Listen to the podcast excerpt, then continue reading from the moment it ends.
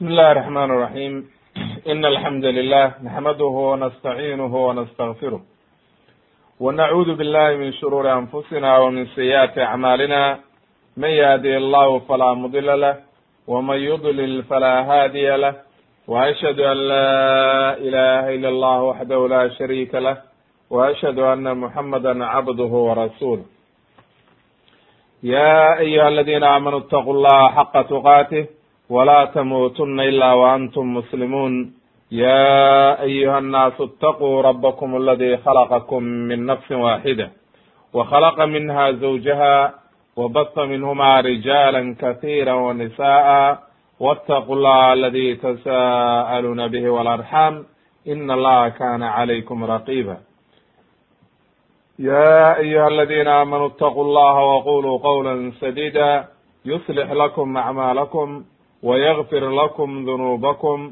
ومن يطع الله ورسوله فقد فاز فوزا عظيما أما بعد فإن أصدق الحديث كلام الله وخير الهدي هدي محمد صلى الله عليه وسلم وشر الأمور محدثاتها وكل محدثة بدعة وكل بدعة ضلالة وكل ضلالة في النار in sha allahu tabaaraka watacaala haddii rabiidno qeybtii labaad oo qisatu nabiyullahi sulayman calayhi salaam ayaan maaragtay ku sharaxaynaa meeshan qodobka toddobaad marka ayaynu maraynay wuxuu aha qodobkaasi odhanayaa dikru ma kana min amri sulayman maca alkhayl macnaha arrintii nabiyullahi sulayman calayhi salaam fardihiisii oo waxa weeye maaragtay allihii subxaana qaadirka kitaabka ku sheegay iyo habkii qisadaasi bal habkay u dhacday ayaynu maaragtay insha allahu sharaxaynaa haddii rabidma say culamadu ku sharaxeen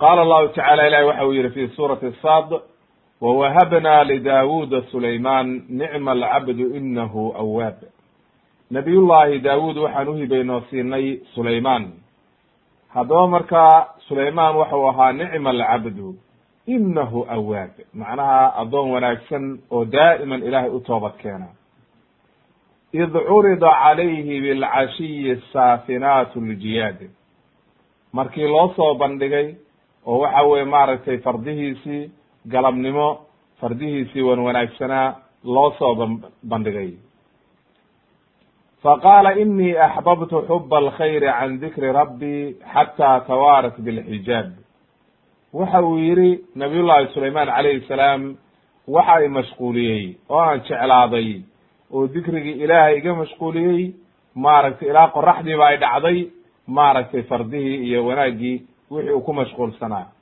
Rudduuha calaya fadafiqa masxan bisuuqi walacnaaq igu soo celiya buu yihi oo ii keena. Markaasuu waxa uu gudagalay inuu ka masaxayo maaragtay qoobabka iyo qoorta fi suuqi walacnaaqa marka aqwaasha culummadan ku caddayn doonaa bal waxaa loola jeedo kalaamka way. Kabacdi markaas ayuu wuxuu sameeyey ilahay waxau yihi walaqad fatanna sulaymana wa alqayna cala kursiyihi jasada huma anaab. Waxa weye nabiyullahi sulayman iyo habkii loo imtixaamay oo loo fidneeyey ayaa ilahay halkaana kaga hadlay. Qaala ibnu kathir raximahullah waxa uu yihi anahu ilahay wuxuu inoo sheegay halkan yadkuru tacaala anahu wahaba lidawuda sulayman calayhim assalaam nabiy llahi sulayman inu nabiy llahi daawud inuu ilaahay siiyey sulayman oo wiilkiisii ahaa kabacdina ilaahay waa ammaanay oo waxa weye wuxuu ku ammaanay inuu yahay mid daa'iman ilaahay u toobad keeni jiray ayuu maaragtay ku ammaanay kabacdi ba ilaahay wuxuu xusay arrintiisii maaragtay fardaha oo assaafinaat ljiyaad marka assaafinaat waxaa la yihahdaa bay yihahdeen culummadu maaragtay waa fardaha marka la soo istaajiyo oo la keeno saddexda qoob ku istaaga. Oo intay jeeniga hore kor u qaadaan oo waxa weye maaragtay saddex lugoodna ku taagan yihiin ayay qoob laabaan. Oo waxa weye kor u laabaan qoobka oo waxay sameeyaan maaragtay intuu qoobka hore. Oo matalan lugaha labada lugood oo hore ayuu mid kamida intuu laabo kor soo laabo ayuu dhulka dhigaa ciddida. Oo waxa weye ciddida ayuu dhulka saa u dhigaa.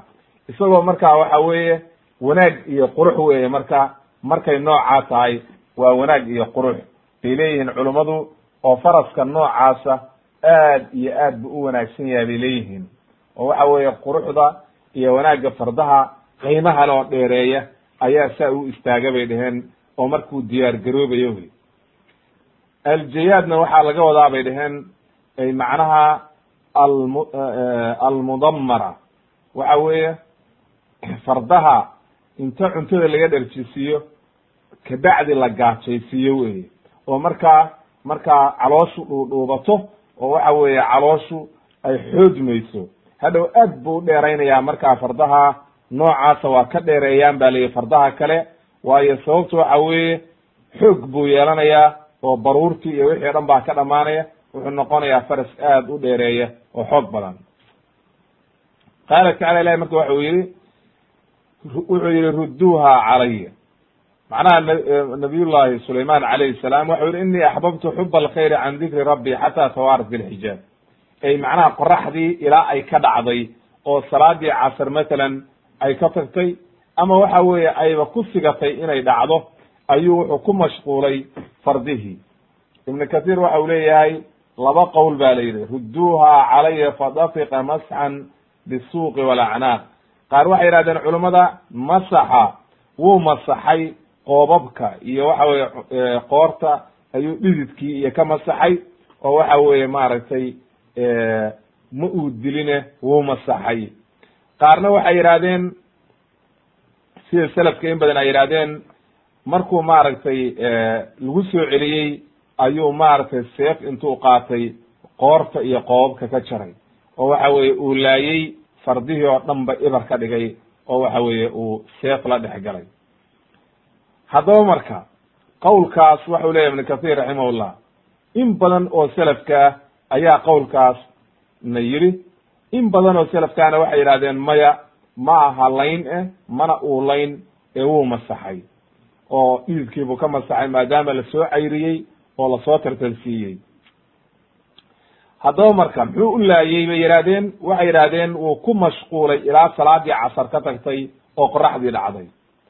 Oo hadda hadday qoraxdii dhacday oo mashquulay qofkii jihaadna u diyaar garoobayey dagaal iyo waxa weye hawl uu ku jiray farduhu maxay dhimeen iyagu?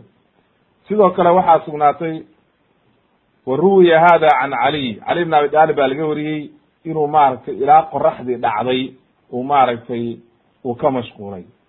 Laakin wuxuu leyahy ibn kathir raximah llah wاladi yuqdacu bihi anahu lam yatruk asalaata camdan min gayri cudrin. Macnaha salaada kas uguma uu tegin ee wuu ilaawey ama uu mashquulsanaa oo cududaar buu leeyahay. Waayo sababtu waxa weeye salaada waktigeeda in laga tago ma aha. Oo waxa weye arrintaas suurtagal ma ilaa in la yihaahdo diintii nabiyullahi sulayman iyo shareecadoodii way ku banaanayd in salaada dib loo dhigan karo laakin waxa weeye arrintaasi daliil looma hayo. Marka salaadii haddii aad ilowdid way sugan tahay qofka haduu ama salaadii ilaawey ama ka mashquulo markaa waxa weeye uu ilaawey inuu dib ka tukan karo waa arrin sugan wey nebiga calayhi salaatu wasalaam iyo saxaabadii la joogtay maalintii khandaq markay diga ku jireen godkii ay qodayeen salaadii casar waa ka tagtay. Oo waxa weye ilaa qoraxdii dhacday cumar ibn khadaab waatuu maaragtay ku soo baxay nebiga isagoo habaaraya gaaladii. Markaasuu waxa uu yihi salaadii casar bay naga mashquuliyeen. Markaasuu nebigu wuxuu yihi way naga mashquuliyeen. Ilaahay maaragtay laabtooda ka buuxiyo naar iyo dhibaateed macnaha salaadii cashar casar ayay naga mashquuliyeen. Kabacdina nebigu waa tukaday alayhi salatu salaam iyo saxaabadii. Way laakin qaar selafka ka mid ahba waxay ku tageen oo yidhahdeen salaatulkhawf intayna soo degin bay ahayd oo waxay yidhahdeen maaragtay salaatulkhawf intayna soo degin way banaaneed in salaada dib loo dhigo. Oo waxa weeye nebigu dib buu u dhigay ima ilaawin. Marka nabiyullahi sulayman arrintiisa waxa weeye bay dheheen iyadana waa saas oo kale dagaal buu ku jiray iyo jihaad oo u diyaar garoobayey marka salaadii casar ayuu dib u dhigay. Laakiin markay salaatulkhawf soo degtay oo waxa weye axkaamtii soo degtay salaatulkhawfka kabacdi in dib loo dhigo ma banaana bay dheheen w calaa kuli xaal marka noocay doontaba ha noqotee waxa uu ku mashquulay nabiyullahi sulayman calayhi salaam fardihii oo waxa weye salaadii casar ilaa ay ka tagtay xataa tawaarat bilxijaab. Ay macnaha ilaa ay qoraxdii ka dhacday. Laakiin qaar baa culimmadu waxay leeyihiin ay xataa tawaarat bilxijaab waxay u soo noqonayaa kalaamkaasi fardihii ay macnaha salaadii casar kamaba tegine. Arrinta loo jeedo waxa weeye ilaa ay ka qarsoomeen fardihii oo maaragtay sidii loo tartansiinaya ay ka qarsoomeen markaasuu yihi igu soo celiya haddana. Oo waxa weye markii loo keenay iyagoo soo dhididay ayuu markaas masaxay oo qoorta ka masaxay. Waxa weeye qowlkaas ayaa maaragtay macquula wy cala kuli xaal qowlka ah fadafiqa masxan bisuuqi walacnaaq qowlka saxiixa oo raajixa waxa weeye walcilmu cind allah waa qowlka uu doortay ibnu jariir adabri imaamu lmufasiriin waxa weeye macnihiisuna waxa weeye inuu maaragtay uunan laynin oo waxa weeye uunan maaragtay fardihii laynin. Waayo fardahaani maxay galabsadeen? Haddii la yidhaahdo fadafiqa masxan bisuuqi walacnaaq maxay galabsadeen oo farduhu ay waxa weye dembi oo leeyihiin. Haddii la yidhahdo seef buu la dhex galay oo waa laayey haddaba marka qowlka ibnu jariir waxa uu rajaxay cabdullahi ibni cabaas inuu yihi masaxa alcaraqa. Ma uu layna waxa uu ka masaxay dhididkii. Qowlkaasuu rajaxay. Markaa ma sidoo kale maarata ibnu jariir iyo waxa weeye culamo badan oo mufasiriinta wuxuuna ku rajaxay waxay yidhahdeen sababtu maxay tahay uu ku cadaabayo? Waxa weeye farduhu dembi male marka fardihii in la yidhaahdo waa la boqon gooyey oo waa la laayey oo qo qoobabka iyo waxaa laga jaray iyo maaragtay qoorta. Dembina aysan lahayn oo xayawaan masaakiin ay yihiin arrintaas uma habboona in nebi ilaahay uu soo diray oo waxyi ku soo degayo in la yidhaahdo arrintaas. Waa arrin aan habboonayn wey way waxaa kaloo uu yihi waqad dahaba bacdu culamaa'ina ila anahu ida khaafa almuslimuuna haddii ay dhacdo ba la yidhi bacd alculama waxay yidhahdeen haddii laakiin ay dhacdo horta diinteenna kuma banaana in la boqon gooyo oo fardihii la laayo. Laakiin hadday dhacdo ba la yidhi qaar ba waxay yidhahdeen culamada hadday dhacdo oo muslimiinta inta laga adkaado masalan fardihii laga baqo inay ka faa'idaystaan gaalada waa la boqon goyn karaa bay dhaheen arrintaasi marka waxa weye waa arrin dee gaara oo waxa weye ijtihaad markaa qofku dagaalkaa ku jiro iyo su ijtihaado. Haddaba marka waraajixu wallahu aclam qowlka raajixa waxa weeye qowlka ibnu jariir raximahullah waxaana rajaxay sidoo kale maaragtay abubakr aljazairi iyo culamo badan ayaa rajaxday.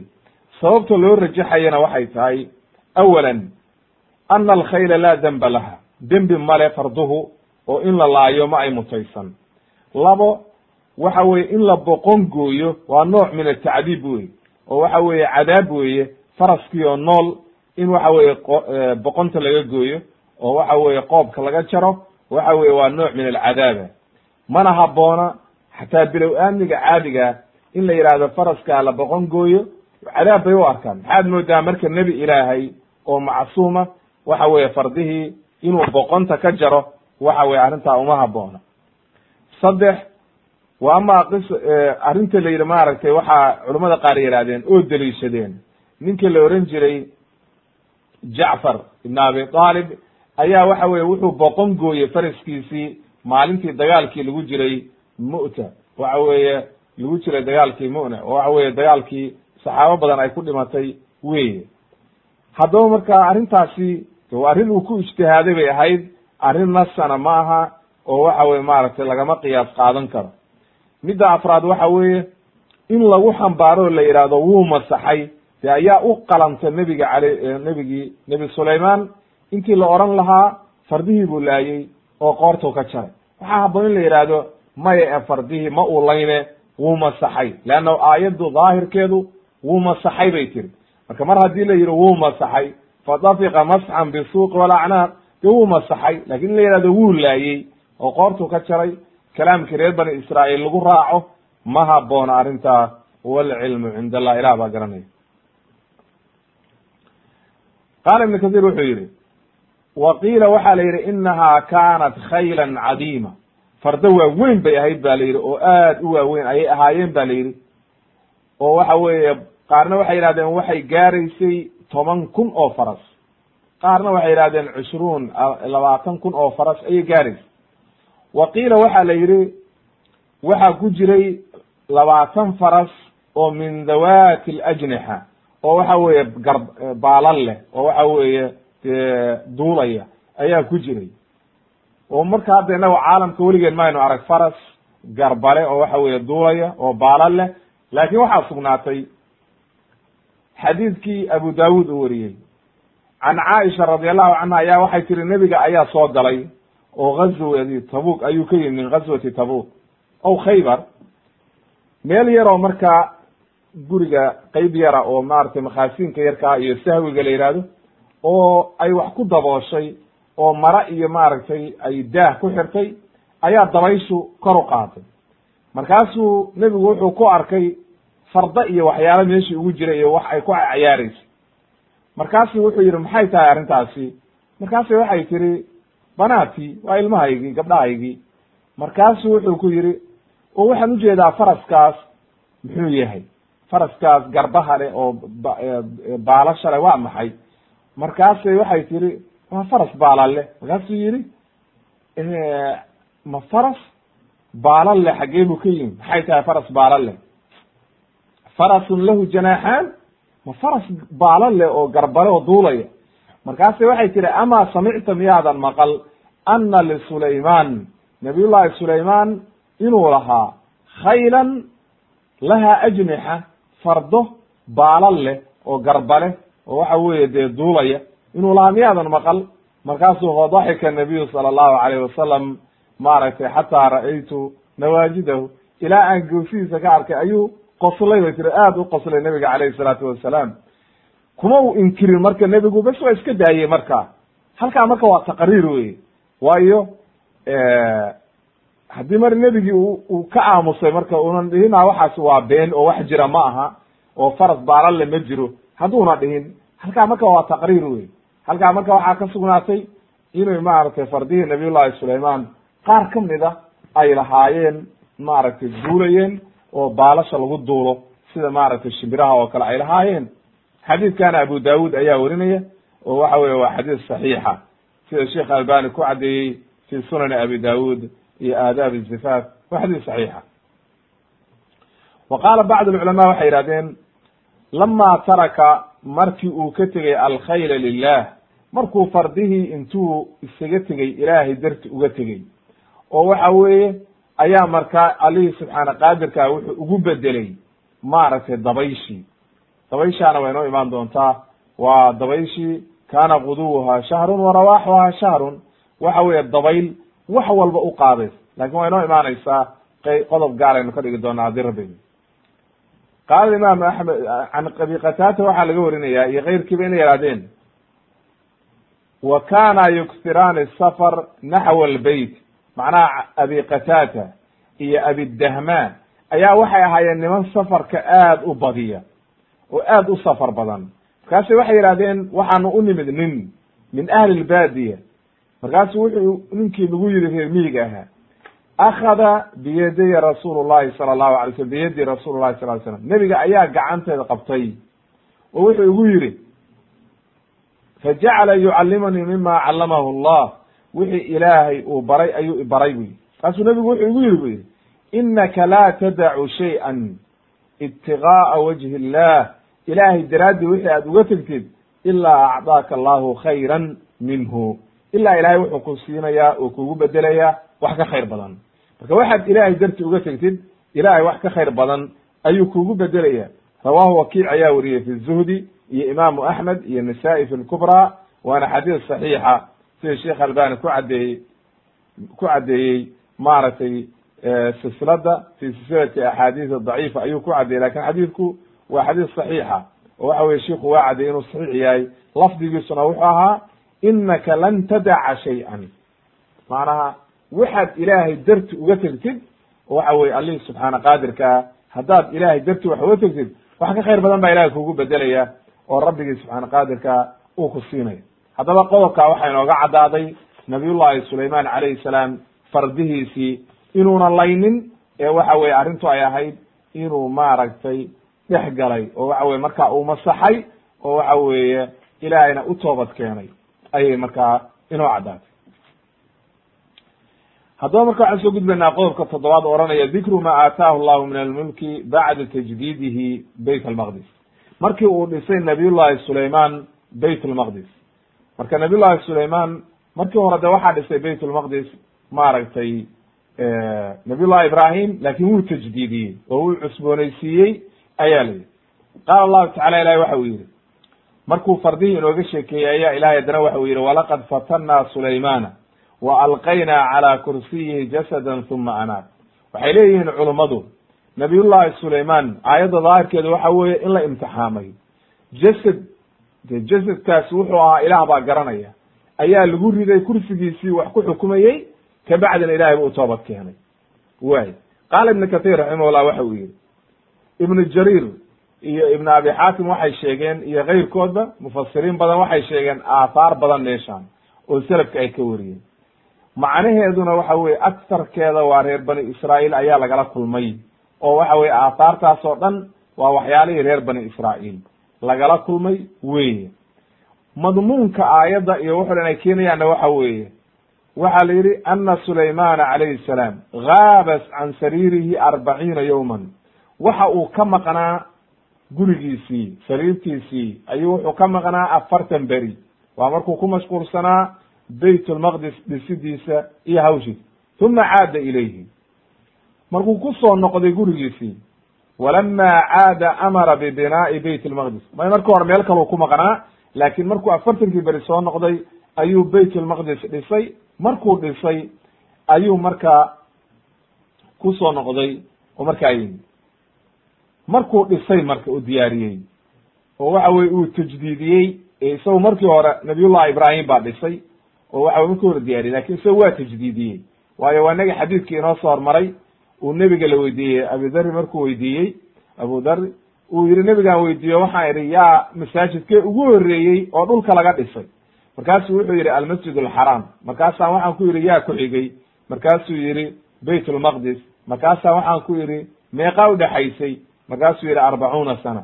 Marka nabiyullahi ibrahim calayhi salaam ayaa bilaabay aasaaskiisa oo dhisay labada masaajidba bayt lmaqdis iyo bayt alxaraam labadaba laakin nabiyullahi sulayman calayhi salaam wuu tajdiidiyey oo waa cusboonaysiiyey. Muddo badan baana udhexaysay nabiyullahi ibrahim iyo nabiyullahi sulayman marka wa kana su'aaluhu almulka aladi laa yanbagi waatuu ilaahay weydiistay markii hore. Nabiyullahi sulayman inuu ilaahay siiyo boqortooyo mulki. Markuu toobad keenay oo huma anaab uu ilaahay u soo noqday ayuu nabiyullahi sulayman ilaahay beryey qaala rabbi ikfir lii wahab lii mulkan laa yanbagii liaxadi min bacdi inaka anta alwahaab allihii subxaana qaadirkaabuu weydiistay boqornimo iyo mulki. Aan cid waxa weye isaga udhiganta ayna jirin. Laakiin horta intaynu halkaa u gelin qodobkan qowlkan odhanaya waanu imtixaanay rabbigii subxaana qaadirka ayaa garanaya waxa lagu imtixaamay. Laakiin looma hayo wax daliila oo caddayna inuu waxa weeye maaragtay nooca iyo noocaas ahayd la yihahdo laakin bal aqwaasha ayaynu eegeynaa iyo waxay culamadu ka yidhahdeen qaala ibnu kathir waxa uu yihi nabiyullahi sulayman ilaahay waxa uu weydiistay boqortooye markuu baytulmaqdis diyaariyey. Sida cabdullahi ibni camr ibn alcaas uu yihi qaala qaala rasuulu llahi sala allahu alay slam rasuulka ilahi baa waxa uu yihi ina sulaymana nabiyullahi sulayman lama banaa bayt almaqdis markuu baytulmaqdis dhisay ayuu allihii subxaana qaadirkaa saddex arrimood weydiistay laba waa la siiyey midii saddexaadna waxaan rajaynaynaa in annagana la siiyo. Muxuu weydiistay marka? Waxa uu weydiistay in la siiyo xukum aan cid isaga u dhidanta jirin oo waxa weye cid dambe oo isaga ka dambayso aan la siin. Ilaahay waa siiyey marka. Oo mulki iyo boqortooyo ayaa ilaahay weydiistay. Oo wuxuu yihi laa yanbagii liaxadi min bacdi inaka anta alwahaab. Ilahay waa siiyey. Wa sa'alahu wuxuu weydiistay haddana in horta marka ugu horreya wuxuu weydiistay naxnu narju an wuxuu sa'alahu xukman yusaadifu xukmahu. Xukum buu weydiistay fa acdaahu iyaah wa mulkan laa yanbagii liaxadin min bacdi. Macnaha boqortooyu weydiistay waa la siiyey. Haddana wuxuu weydiistay xukum aan isaga dib dambe boqortooyadiisa inuu ilaahay siiyo inaan cid dambe wax u dhiganta la siinin. Oo isaga cid ka dambaysa inaan la siin waxa la siiyey oo kale. Rabbigii subxaana waa ka aqbalay oo waa siiyey. Midda saddexaad wuxuu weydiistay wa sa'alahu ayama ayuma ayama rajulin kharaja min beyti laa yaziidu ila asalaa fi hada almasjid ay bayt lmaqdis qofkii masaajidkaa baytulmaqdis yimaada oo soo aada oo gurigiisa inta ka soo taga baytulmaqdis yimaada oo salaad u soo aada inuu qofkaa ilaahay u dembi dhaafo oo dunuubtiisa uu ka dhigo sidii hooyadii dhashay taa marka nabiyullahi sulaymaan lama siinin nebigu wuxuu yidhi fa narju waxaan rajaynaynaa fa naxnu narju an yakuna allahu qad acdaana iyaha ilaahay waxaan ka rajaynayaa inuu ummadayda uu siiyey arrintaa oo qof walba oo muslima oo baytulmaqdis inta taga. Qof walba oo muslima oo baytulmaqdis inta taga salaad ku soo tukada. Inuu ilaahay u dembi dhaafayo ayaa maaragtay xadiidkaasi caddaynaya xadiidkaa marka nebigu qowlkaa ugu dambeeya waa kan dhahaya fa naxnu narju an yakuna allahu qad acdaana iyah ay macnaha ummadda islaamka xadiidkaa waxaa werinaya waa xadiid saxiixa waxaana werinaya maaragtay imaamu axmed ayaa werinaya iyo ibnu maaja iyo waxa weeye keyrkood sida nisaa-i oo kale iyo waa xadiid saxiixa marka ibnu khusayme iyo xaakim iyo xaakimna waa saxiixiyey oo waxa uu yihi waa saxiix oo waa xadiid saxiixa. Sheikh albani raximahullah wawaafaqahu dahabi imaamu dahabina waa ku waafaqay wasaxaxahu sheikh albani fi sunan nisaa-i iyo sunan ibn maaja waa xadiid saxiixa. Wuxuu inoo faa'ideeyey marka nabiyullahi sulayman calayhi salaam saddexdaa arrimood oo ilaahay uu ka beryey laba waa la siiyey. Mid baa u dhimanayd tiina waxa weeye nabiga calayhi salaatu wasalaam macnaha laba waa la siiyey xukum waa la siiyey. Mulkigana waa la siiyey oo hadde in jinni iyo shayaadiin iyo cid walba loo adeejiyo ayaa allihii subxaana qaadirkaa u fududeeyey cid dambe haddaba marka oo arrintaas helaysaa ma jirto sida maaragtay nebigu caddeeyey arrintaa la siiyey isaga. Cid dambe lama siin oo isaga ka dambeysay. Way. Wuxuu yihi faama alxukmu aladi yuwaafiqu xukm allah tacaala faqad atna allahu tacaala calayhi wa cala abihi. Nabiyullahi daawud iyo nabiyullahi sulaymaan ba ilaahay wuxuu ku ammaanay xukum waafaqsan inay xukumi jireen diinta ilaahay inay ku xukumi jireen oo waxa weeye xukumkiisa u waafaqsanaa xukumka islaamka oo waxa weye kitaabki iyo diintii lasi ay ku xukumi jireen. Qaala allahu tacala ilahi waxa uu yihi wa daawuda wa sulaymana id yaxkumaani fi lxarqi id nafashat fiihi ganamu lqowm wa kunna lixukmihim shaahidiin. Nabiyullahi daawud iyo nabiyullahi sulaymaan ayaa waxaa loola soo xukun tegey. Maaragtay markii ay maaragtay xoolihii ay galeen beer dad leeyihiin. Ghanam lqowm ayaa waxay galeen ariga wey xoolaha ayaa waxay galeen dad beertood markaasay cuneen. Markaasay isku qabsadeen oo waxa weeye loo soo xukun tegey marka nabiyullahi daawud baa joogay markaa ilahay waxau yidhi fafahamnaaha sulaymaan wa kulan aataynaa xukma wa cilma waxaan fahansiinay qadiyadii nabiyullahi sulaymaan kulligoodna waxaanu siinay cilmi iyo maaragtay maaragtay iyo xukum ayaan siinay. Waxau yidhi ibnu kathiir marka. Waxa uu sheegay shurayx alqaadi waxa uu yihi iyo selaf badan oo kalaba waxay yidhaahdeen ana haulaai alqowm kaana lahum karmun. Waxay lahaayeen geedka cinabka la yidhaahdo ayaa beer ugu tiilay ari baa inta galay beertii baabi'iyey hameynimo kabacdi bay la soo dacweeyeen oo waxaa la iskula yimid nabiyullahi daawud nabiyullahi daawud marka waxa uu yihi geedkii ma burburiyey arigu eber bu ka dhigay ha oo dee cinabkii u dhamaatay qaata marka arig arigaad leedihi oo waxa weeye wuxuu yihi fataxakamuu ila daawud faxakama liasxaabi alkaram biqiimatihi. May qiimihii buu uxukumay oo wuxuu uxukumay waxaad leedihiin geedka qiimihiisii arig cinabkii baabaay lacagtii baa layda siinaya qiimihii baad leedihin falama kharajuu calaa sulayman markay soo baxeen marka oo sulayman u yimaadeen bu wuxuu yihi bima xakama laka nabiyullah muxuu idii xukumay?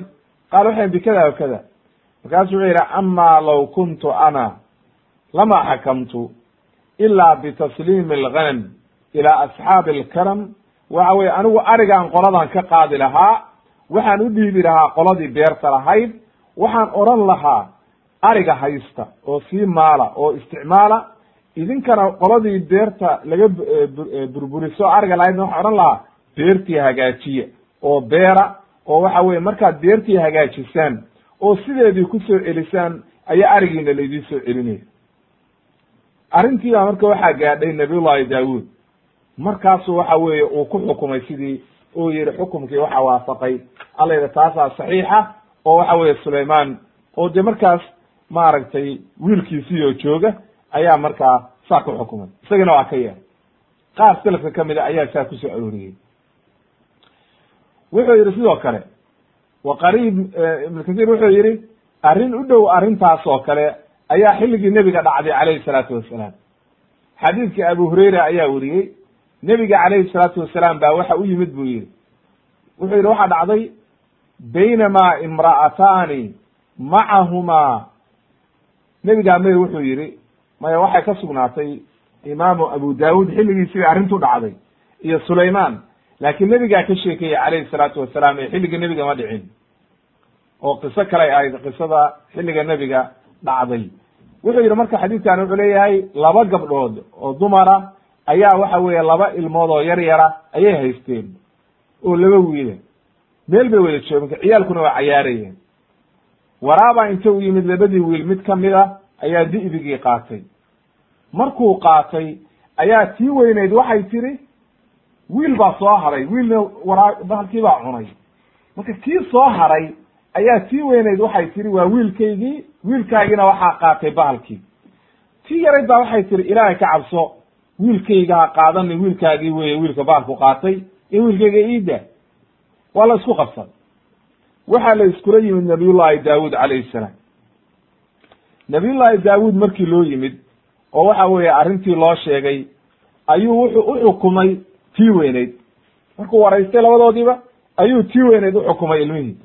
Oo wuxuu is iri kollay tanaa weyn oo maaragtay ama run sheegaysa ama tan yar waxbay dhali doontaa ama kollay asbaab un tii weyneyd buu uxukumay nabiyullahi sulayman baa loo yimid. Markaasu wuxuu yidhi anaa idinkala xukumaya ii keena le yarayd weli ma samrayso wiilkeedii oo la qaadanayo oo nool kama sabri karto laakiin wiilkeeda hadday og tahay in waraaba cunay waa ka sabri kartaa wuxuu yidhi ii keena sakiin bu yidhi. Middi ii keena anaa idinkala saaraye. Middi ii keena. Middidii baa loo keenay. Wuxuu yidhi waa idii kala goynayaa buu yidhi. Wiilka intaan kala gooyo oo kala jeexo midiinba qaar ha qaadato. Oo waxa weye markaas saasaan idinku kala saaraya anugu wiilka waa gawracaya oo kala goynayaa adiguna jeexaan qaado adna jeexaan qaado. Markuu sakiintii qaatay ayaa tii yarayd waxay tiri laa laa tafcal yarxamuka allah ilahay ha ku naxariistee saa ha samaynin. Huwa ibnuha iyadaa iskale si si iyada bay tiri waayo waxay tiri kollay hadduu noolaanayo waa wiilkaagii ha iska noolaado oo ha haysato intii la kala goyn lahaa. Ilaan waa dhimanayaayo. Faqadaa bihi lahaa. Tii yarayd buu uxukumay marka wuxuu yidhi adaa dhalay marka tii weyneyd iyadu kama nixin wiilkii? Markii la yidhi hala kala gooyo oo iska aamustay. Laakiin halkaa marka waxaa ka caddaatay inay tan yar ay dhashay ilmihii. Waayo hooyo ma ogola ilmaheed in la yidhahdo waa la gawracaya way naxaysaa laakiin tan kale ma kala jeclo maadaama iyadaba wiilkeedii waraaba cunay. Waxay leedahay kana hana dhaafo labadaba hana dhaafeen. Imaamu bukhaari iyo muslim baa wariyey waana xadiis saxiixa. Labadaa arrimoodba marka nabiyullahi sulayman halkaa weye macnaha loo jeedo fafahamnaaha sulayman labadaas xukum ayaa nabiyullahi sulayman xukumay.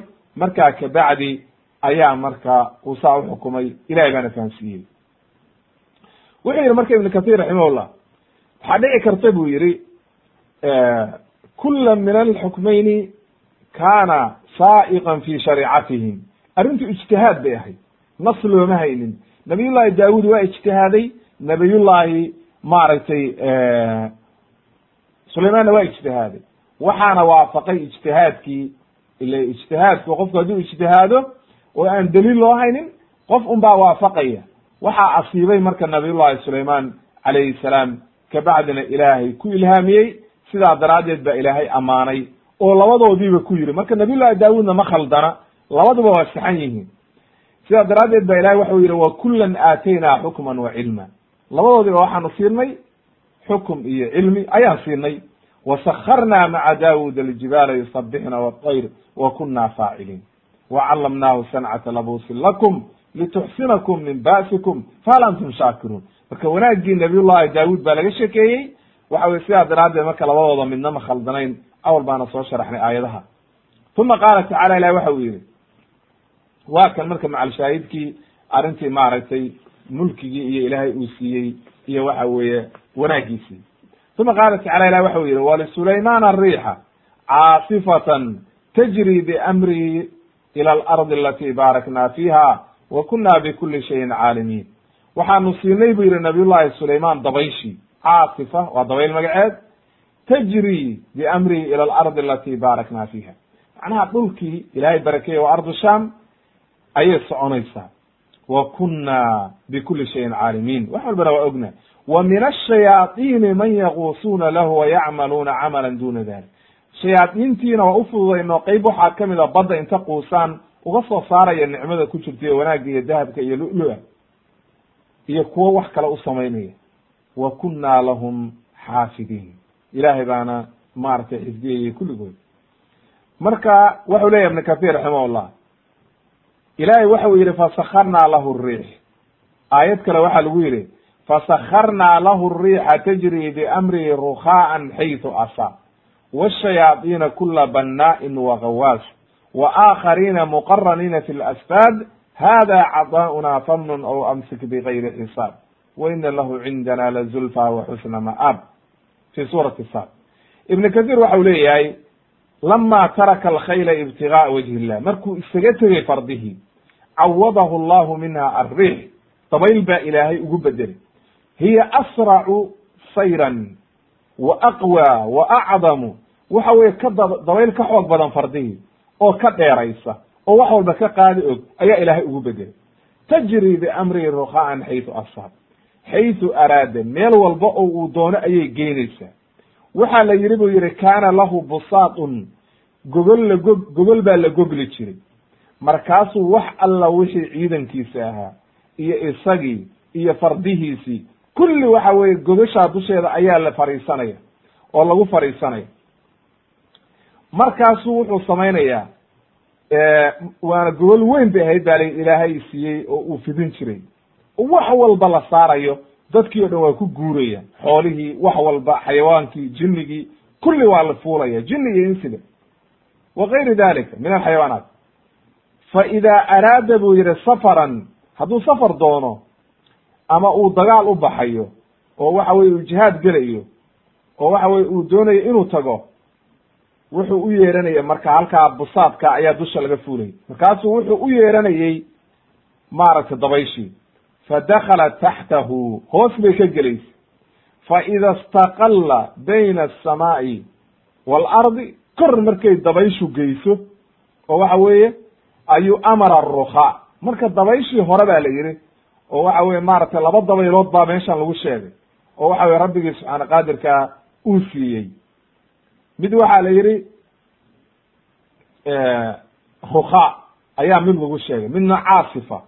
Marka waxa weye wuxuu leeyahay ibn kathir raximahullah amara arukhaaa dabayshii rukhaaga ayuu u yeeraya fasaarat bihi way wadaysa fain araada asraca min dalika amara alcaasifa haddii uu doono inay la dheerayso midda caasifada ayaa dheeraysa oo waxa weye durba dedejinaysa taasuu u yeeranaya markaa faxamalatu way xambaaraysay asrac ma yakun fawadacatu fi ayi makanin sha meeshuu doono ayay dhigaysa oo waxa weye ay geenaysa waa arrin marka cajiiba oo aad iyo aad u cajiiba wey marka wuxuu leeyahay ibn kathir rukhaagu ayaa fududayd oo waxa weeye tartiib bay u soconaysay. Laakiin caasifada markuu deg deg rabo ayuu u yeeranayay ba lihi bixaytu inahu kaana buu yihi wuxuu samayn jiray buu yihi fi awali nahaar subaxdii ayuu wuxuu ka guuri jiray meesha la yihahdo baytulmaqdis ayuu ciidankiisa wixiisi markuu diyaarsado ayuu dabaysha u yeerayaa way dhifanaysaa.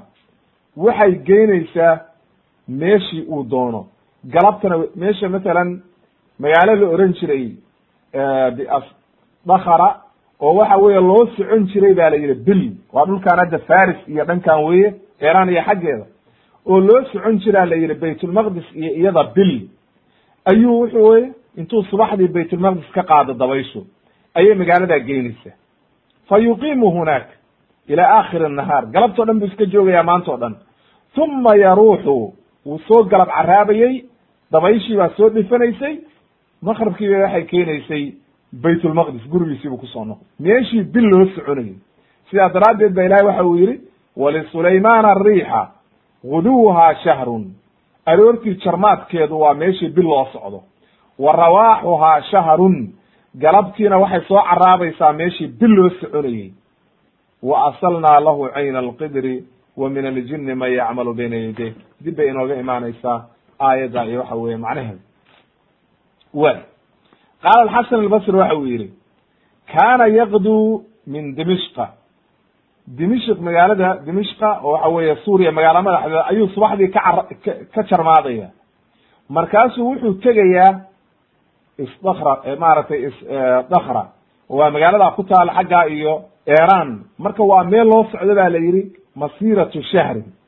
Dimashqa marka la joogo ama baytulmaqdis la joogo magaalada isdakra waxay ku jirtaa ba la yidhi bil baa loo socdaa. Qofka faraska iyo saaran ama waxa weeye rakuub saaran. Hadduu doono haddana intuu ka caraabo meesha la yidhaahdo isdakra ayuu galabnimada wuxuu tegayaa la yidhi maaragtay kabul. Waa afghanistan waa caasimadda afghanistan kabul. Kabul. Way jireen ba la yidhi beriga oo waxa weye isdakrada xataa waxa dhisaa la leeyahay nabiyullahi sulayman oo jinnigii iyo shayaadiintii ku dhisay ayada culamada qaar leeyihiin. Marka waxay leeyihiin isdakra iyo kabulna waxaa loo socdaa bil. Marka sidaa daraaddeed ayaa ilaahay waxa uu siiyey dabaysha qaala ibnu kathir waxa uu yihi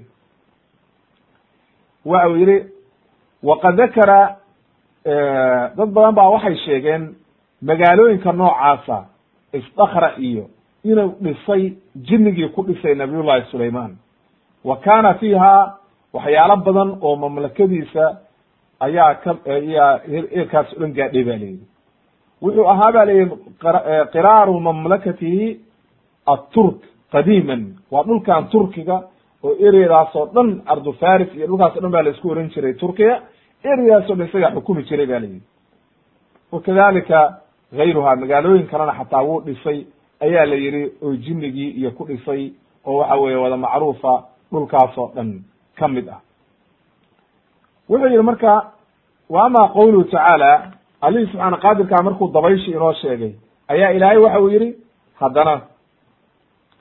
Markuu yihi maratay quduwa ashaarun wa rawaaxu ashaarun. Wa asalnaa lahu cayna alqidri wa min aljini man yacmalu bayna yadayhi biidni rabbi waman yaziq minhum can amrina nudiqhu min cadaabi asaciir kii waxa weye amarkiisa qofkii khilaafa marka maxay tahay qidrigaani wuxuu yihi wa ama alqidri buu yihi waxa weye waa wuxuu leeyahay cabdullahi ibn cabaas iyo mujaahid iyo cikrama iyo keyrkoodba annuxaas. Waxa weye waxyaalaha macdanta iyo nuxaasta iyo laga sameeyo weeye bay dheheen oo waxa weye qidrigu qaala kataata wuxuu yihi kanat bilyaman. Yaman baa ilaahay wuxuu uga dilaaciyaa la yihi il maartaas oo nuxaastaas oo waxa weeye maaragtay ka burqanaysa qaala sudiy wuxuu yihi saddex beri bay ishaasi soconaysay. Markaasaa meel walba laga buuxiyey marka guryaha lagu dhisi jiray oo waxyaalo badan baa lagu samayn jiray. Wa ama qawluhu wa min aljini man yacmalu bayna yadayhi? Biidni rabbihi. Maxaa laga wadaa? Ibnu kahiir wuxuu yihi ilaahay wuxuu u sakiray jinnigii cumaalan iyagoo shaqaalo u ah oo u shaqaynaya wuxuu doona u qabanaya oo aan amarkiisa khilaafaynin badduu u diraya dhulku u diraya guryahay u dhisayaan wax walbay samaynayaan. Yacmaluuna lahu ma yashaa min maxaariiba. Waxay u samaynayeen maxaaribta ay alamaakin alxasana. Maxaaribta waxaa la yidhaha guryaha waaweyn oo waxa weye wan wanaagsan oo si fiican loo dhiso. Ayaa la yidhahdaa waman kharaja midkii diida oo arrintiisa khilaafana wuu cadaabayey markaa. Wuu cadaabayey markaa. Cadaabku samaynayay. Wuxuu yihi min maxaariba wa tamathila tamaashiisana waxaa laga wadaa assuwar fi ljudraan guryaha iyo derbiyada waxa lagu tasawiro oo waxyaala lagu qurqurxin jiray laakin diinteenna inagu ma ogola shareecadeenna way xaaraantinimaysa le iyaga shareecadooday ku banaanayd wajifanin kaljawaab qaala cabdullahi ibn cabaas wuxuu yihi aljafan waxaa laga wadaa aljafna. Waxa weeye buu yihi min alardi. Ay mathalan kalxiyaad macnaha berkadaha waaweyn oo kale oo lagu dabaasho ama barekaha waaweyn meelaha biyaha lagu sameeyo. Sidoo kale mujaahid waxau yihi xasan iyo qataata iyo daxaak waxay yihahdeen wa cala hadihi riwaaya saasay iyaguna yihahdeen waa berkadaha waaweyn bay dheheen kaljawaab maaragtay wajafanin kaljawaab ay berkado waaweyn oo biyaha iyo u samayn jireen oo biyaha iyo waxaa lagu sameeyo. Sidaa daraaddeed xawdkaa la yihahdaa marka ayay leeyihiin sidaa daraaddeed ba acmash waxa uu yihi gabayar uu ku yihi markuu ka hadlaya arrintaa taruuxu calaa ali mulaxin calى ali almuxalliqi jafnatun. Jafna marka wuxuu ka wadaa berkadaa weyn wuxuu ku tilmaamay wuxuu yihi kajabaniyati kajaba wuxuu yihi kajaabiyati shaykhi alciraaqi tafhaqu macnaha wuxuu ka wadaa wuxuu ku metelayaa ninka madaxda xilliga ahaa berkada weyn ou leeyahay oo waxa weye uu ku raaxaysanayey ayay qoladaasina leeyihiin oo kale marka calaa kulli xaal sababta u keenaya waxay tahay macnaha waxaa laga wadaa wajafanin kaljawaab ay berkadaha waaweyn xawdka la yidhaahdo oo meelaha waaweyn ayay u samaynayeen oo nooca u samaynayeen ama wa quduuri raasiyaat maxaa laga wadaa? Cikrama waxa uu yihi yacni anahuna hawaabitun laa yazaalna quduurku waa dheriyada waaweyn amaakinahuna ay meelahooda aan ka dhaqaaqaynin. Oo waxa weeye dee dadki cuntada iyo lagu karin jiray oo dheriyo waaweyn oo cuntada loogu karinayo ila jinni iyo insi iyo dad badan ummado badan baa ninkan la shaqaynayey nabiyullahi sulayman intaasoo dhan markii la yidhi ba waxa la yidhi icmaluu ala daawuda shukra wa qaliilu min cibaadiya shakuur. Icmaluu ba la yidhi sameeya shukri naqa marka. Ilahay u shukri naqa oo aala daawuud ilahay u shukri naqa. Ilahay wuxuu yidhi wa qaliilu min cibaadiya shakuur. In yar ayaa ilaahay ku shukri naqda addoommada oo waxa weeye sida saxiixa dee bilo aadmigu daa'iman ma shukri naqaan. Qaala tacala ilahi waxau yihi washayaaiina kula wagawaas wa aakhariina muqaraniina fi lasfaad ay ana minhum waxaa ka mid ahaa shayaadiintii mid waxa weeye sakharahu fi lbinaa guryaha udhisi jireen oo qaar guryaha udhisi jiray wa minhum man ya'muruhu bilgawsi fi lma waxa weye badda intuu quuso lu-lu-a iyo marjaanka iyo waxyaalaha uga soo saari jiray wixii aan dhulka laga helaynin wa aakhariina muqaraniina fi lasfaad ay qaar intay caasiyeen silsilado lagu xirxiray oo la xabsiyey oo la ciqaabay oo agtiisa joogay. Wa hada kulluhu min jumlati ma hayaahu allahu wa sakara lahu min alashyaai alati hiya min tamaami lmulki waxaasoo dhan baa ilaahay u fududeeyey nabiyullahi sulayman calayhi salaam oo waxa weeye kulli waxaasoo dhan rabbigii subxaana qaadirka ahaa ayaa u fududeeyey. Intaasoo dhan marka waxaad ka garanaysaa nabiyullahi sulayman calayhi salaam inuu waxa weeye wanaag weyn allihii subxaana qaadirka uu siiyey. Oo aan wanaaggiisa la gaari karin.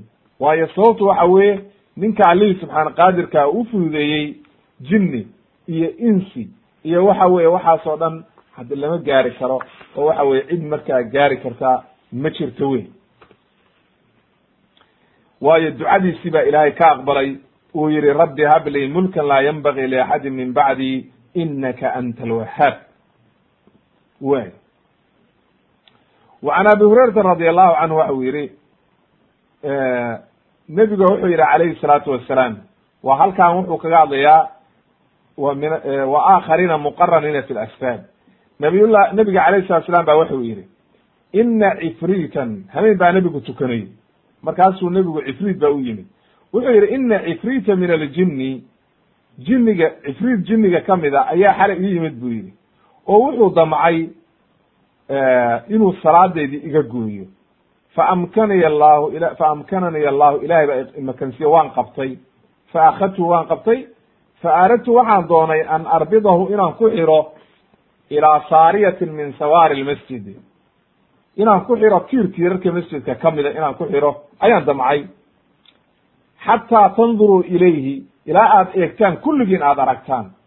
Kabacdi baan waxaan xusuustay buu yidhi oo aan xusuustay ducadii nabiyullahi sulaymaan. Qaala rabbi ikfir lii wahab lii mulka laa yanbagii liaxadin min bacdi. Markaasaan iska sii daayey bu yidhi. Waayo sababtu waxa weeye nabiyullahi sulaymaan baa ilaahay u sakiray waxaasoo dhan iyo jinniga iyo kulli markaasaan faraha ka qaaday bu yidhi. Xadiidka imaam albukhaari ayaa werinaya iyo imaamu muslim waa xadiis saxiixa. Wuxuu kutusayaa marka nebiyadu inay awood uleeyihiin ilaahay haddii uu doono awood u siin karo inay jinniga iyo kulli wax walba arkaan oo waxa weye ay qabtaan oo waxa weye ay ciqaabaan. An abi dardana sidoo kale waxa uu yihi nabiga calayhi salatu salaam oo salaadiina tujinaya ayaa saddex jeer wuxuu yihi acuudu billahi minka alcanuka alcanak alcanuka allah waxaan kugu nacladayaa bilacnati illahi talaatan saddex jeer. Saddex jeer markuu nebigu saa yihi oo salaadii ka baxay waxaan rasuulka ilah maxaa kugu dhacay. Wuxuu yihi rasuulka ilaahay markaa ya rasuul allah baan idhi qad samicnaaka. Macnaha shaygaan aan kaa maqlnay o ad awel samayn jirin muxuu yahay. Maxaa kugu dhacay? Wuxuu yidhi ina caduwa allahi ibliis. Ibliis ayaa jaa wuxuu la yimid bishihaabin min naar. Wuxuu ila yimid bu qori daba oo ololaya. Inuu wejiga iga gubo ayuu damcay. Markaasaan waxaan ku yidhi acuudu billahi minka ilahay baan kaa magan gelayaa. Uma qultu waxaan ku yidhi alcanuka alcanuka waxaan kugu nacladayaa binaclati illahi taama ma uu joogsan marka. Wuu isoo aaday oo ma joogsan. Uma aradtu waxaan damcay akhdow inaan qabto marka. Fa wallahi lowlaa dacwatu akhina sulaymaan. Haddaan dacwadii nabiyullahi sulaymaan ayna jirteen intaan qabto baa ida tusi lahaa oo waxa weeye aan halkaa inta ku xiro aan ku xiri lahaa tiirarka masaajidka ilaa ay ku cayaaraan ciyaalka ahlu madiina ay ku cayaaraan.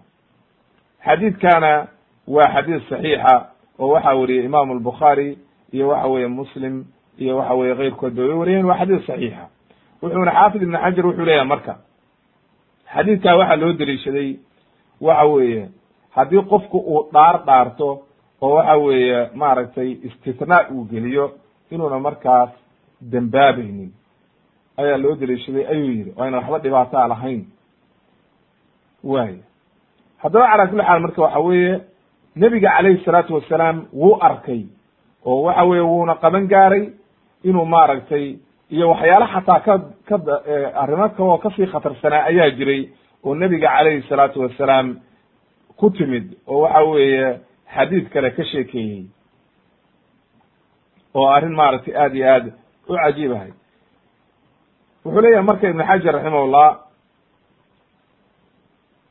markuu xadiidkaas sharaxayo masaa'il badan oo fiqiga ayuu ka samaynayaa laakin macnuhu waxa weeye cala kuli xaal nebiga calayhi salaatu wasalaam allihii subxaana qaadirka ahaa ayaa awood u siiyey inuu qabto oo waxa weeye haddii uu qabtona wuxuu ku xiri lahaa meesha. Waaya oo arrintaasi way sugan tahay. Waxaynu marka qodobkaa ka faa'ideynaa marka oo gebagabadiisa aynu qodobkaa ka qaadanaynaa nabiyullahi sulaymaan calayhi salaam inuu ilaahay u fududeeyey waxa weye arrintaas oo ilaahay jinnigii iyo insigii iyo wax walba rabbigi subxaana qaadirkaa u fududeeyey. Qodobka sideedaad waanu u soo gudbayna waxa weeye dikru maa qiila cadadu nisaa'ihi. Dumar badan buu guursaday ba la yidhi maxay tahay marka dumarkaa badan iyo waxa weye arrinta ku soo aroortay? Qaala ibnu kahiir wuxuu yihi selafka in badan ba waxay yidhahdeen nabiyullahi sulaymaan waxa uu lahaa kun dumar toddoba boqol meher buu ku qabay saddex boqolna waxay ahaayeen dumarkii uu qafaal jihaadka ku helay oo addoommadiisa ahaa. Ayay ahayen qaarna waxay yihahdeen maya saddex boqol buu meher ku qabay toddoba boqolna waxay ahayen addoommo walcilmu cind allah ilah baa garanaya.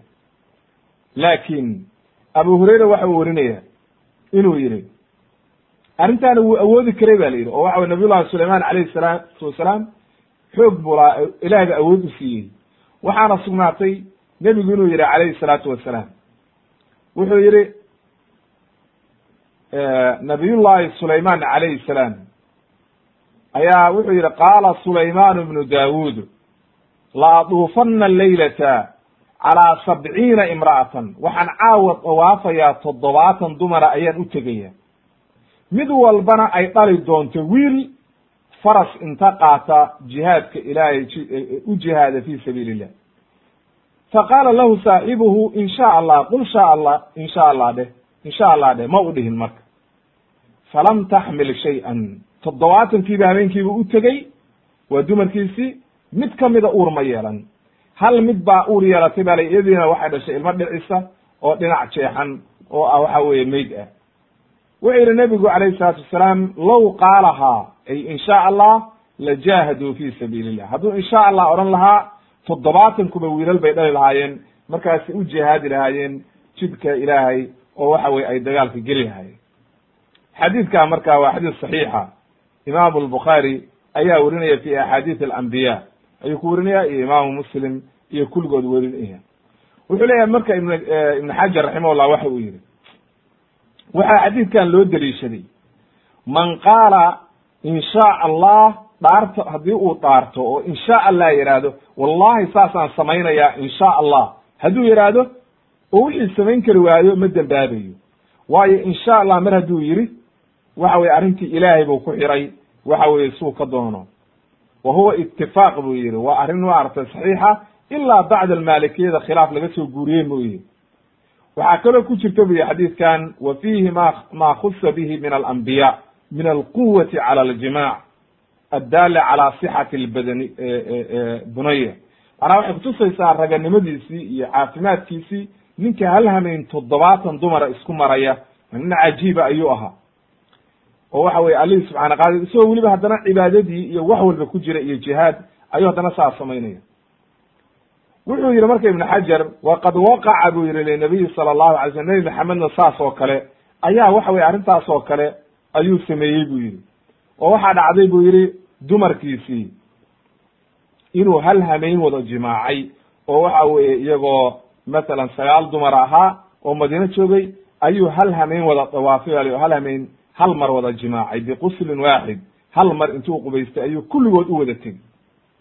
Isagoo weliba haddee nabiyullahi nebi maxamed calayhi salaatu wasalaam dee gaajo iyo jihaad iyo hawl iyo laakiin nebi sulaymaan nin boqortooye iyo maal iyo adduun oo dhan lagu sii daayey bu ahaa calaa kulli xaal noocay doontaba ha noqotee waa mucjiso ilaahay uu siiyey oo waxa weye dadka kale waxaa laga yaabaa qofku ma awoodi karo. Laakiin quwa nafsaaniya haddii ilaahay uu siiyo rabbigii subxaana qaadirka markaa waa awoodaa qofku inuu waxaa sameeyo qaala ibn kathir raximahullah waxa uu yihi waqad kana lahu min alumuuri waxa weeye almulku waاtisaacu dawla dowladdiisu aad bu u weynay oo dowlad weyn ayuu lahaa oo aad iyo aad bu mulkigiisu u weynaa kama qaala tacaala ilaahay meesha uu ka yidhi wa uutinaa min kuli shay waatuu lahaa nabiyullahi sulayman kabacdi markaa intaasoo dhan iyadoo la siiyey ayuu allihii subxaana qaadirka ahaa beryey oo waxa uu yihi rabbi hablii rabbi ikfir lii wahab lii mulka laa yanbagii liaxadi min bacdi inaka anta alwahaab marka ibn kathir wuxuu yihi waqad acdaahu llahu ilahay waa siiyey ducadiisii binafsi saadiqi lmasduuq nebiga calayhi salaatu wasalaam ayaa sheegay oo waxay wateen xadiidka inoo soo hormaray in ilaahay uu siiyey. Walama dakara tacaala ma ancama bihi wixii loogu nicmeeyey markuu ilaahay sheegay iyo wanaaggii la siiyey ayaa haddana waxaa loogu daro waxaa la yidhi haadaa cadaa'una famnun aw amsik bigayri xisaab. Qaado baa la yidhi waa waxaanu ku siinay hayso famnun bixi haddaa rabtid oo ciddaa rabtid sii aw amsik ama hayso bigayri xisaab iyadan cidno kula xisaabtamayn ay icdi man shi'ta qofkaad doonta sii qofkaad doonta u diid siaad doontid ka yeel ku tasaruf waxa weeye siaad doontid ka yeel ba layidhi allihii subxaana qaadirkaabaa u ogolaaday oo wuxuu yidhi si alla sidaa doontid adigu ka yeel adaa xor ah oo waxa weye sidaa rabtaa ka yeeli kadhaa way leanna sababtu waxa weeye waxa uu ahaa nebi boqorna wuu ahaa ibnu kathiir wuxuu leeyahay hadduu qofku nebi keliya yahay rasuul keliya yahay ee una boqor ahayn suu doona uma tasarufi karo. Waa in waxa weeye uu ilaahay awaamirtiisa ku socdaa iyo waxa weye waxyi min allah wax walba meeshii dhig la yidhaha waa inuu dhigaa. Ama haddii loo isugu daray boqortooyo iyo rasuul iyo iyo nebinimo waxa la yidhi isaga adiga sidii kula fiicnaata ka yeel ba la yidhi biduuni muraaqaba sidaa daraaddeed ba waxaa sugnaatay nebiga calayhi salaatu wasalaam inuu ilaahay kala dooransiiyey ma waxaad noqonaysaa cabdan rasuulan mise waxaad noqonaysaa melik oo waxa weye wax walba baa lagu siiya sida xadiidkii uu caddeeyey maaragtay imaamu axmed iyo ay werinayeen ayaa caddeeyey arrintaa lafdigiisuna wuxuu ahaa abu hurayra werinaya wuxuu yihi jalasa jibriilu ila nabiy sala la alay slam nabiga jibriil baa nebiga u yimid.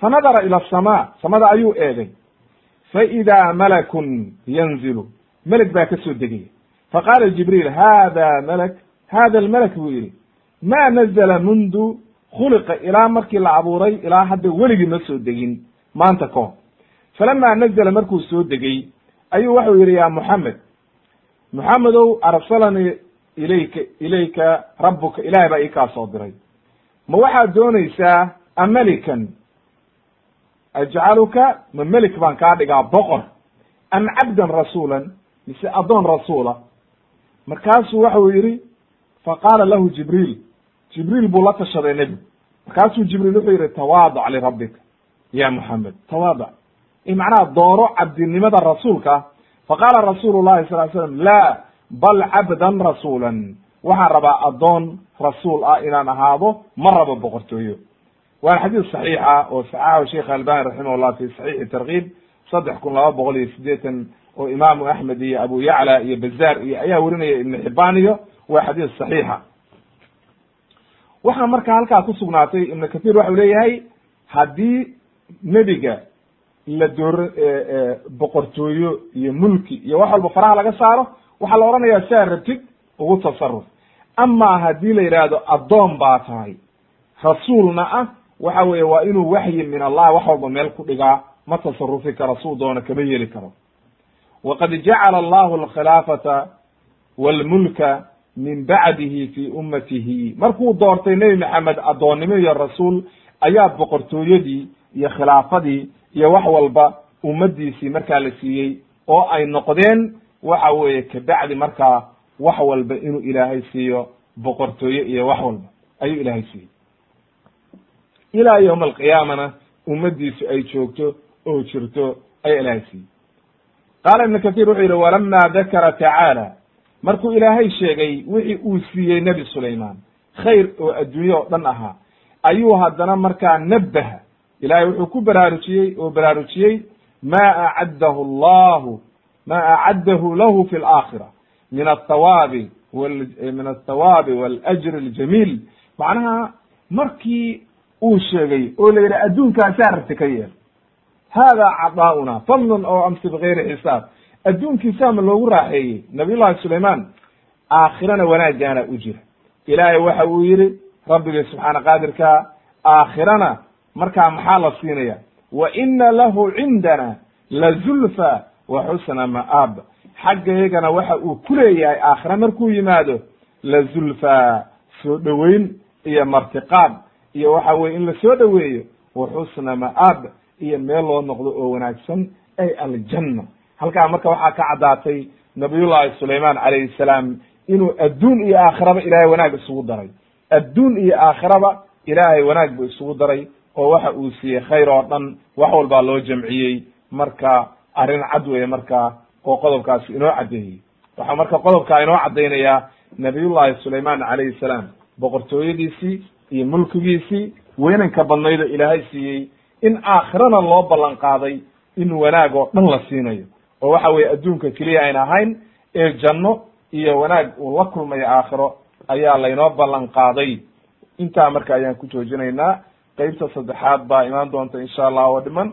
Subxaanaka allahuma bixamdika ashhadu an laa ilaha illa anta astakfiruka waatubu ilayk walxamdu lilahi rabi alcaalamiin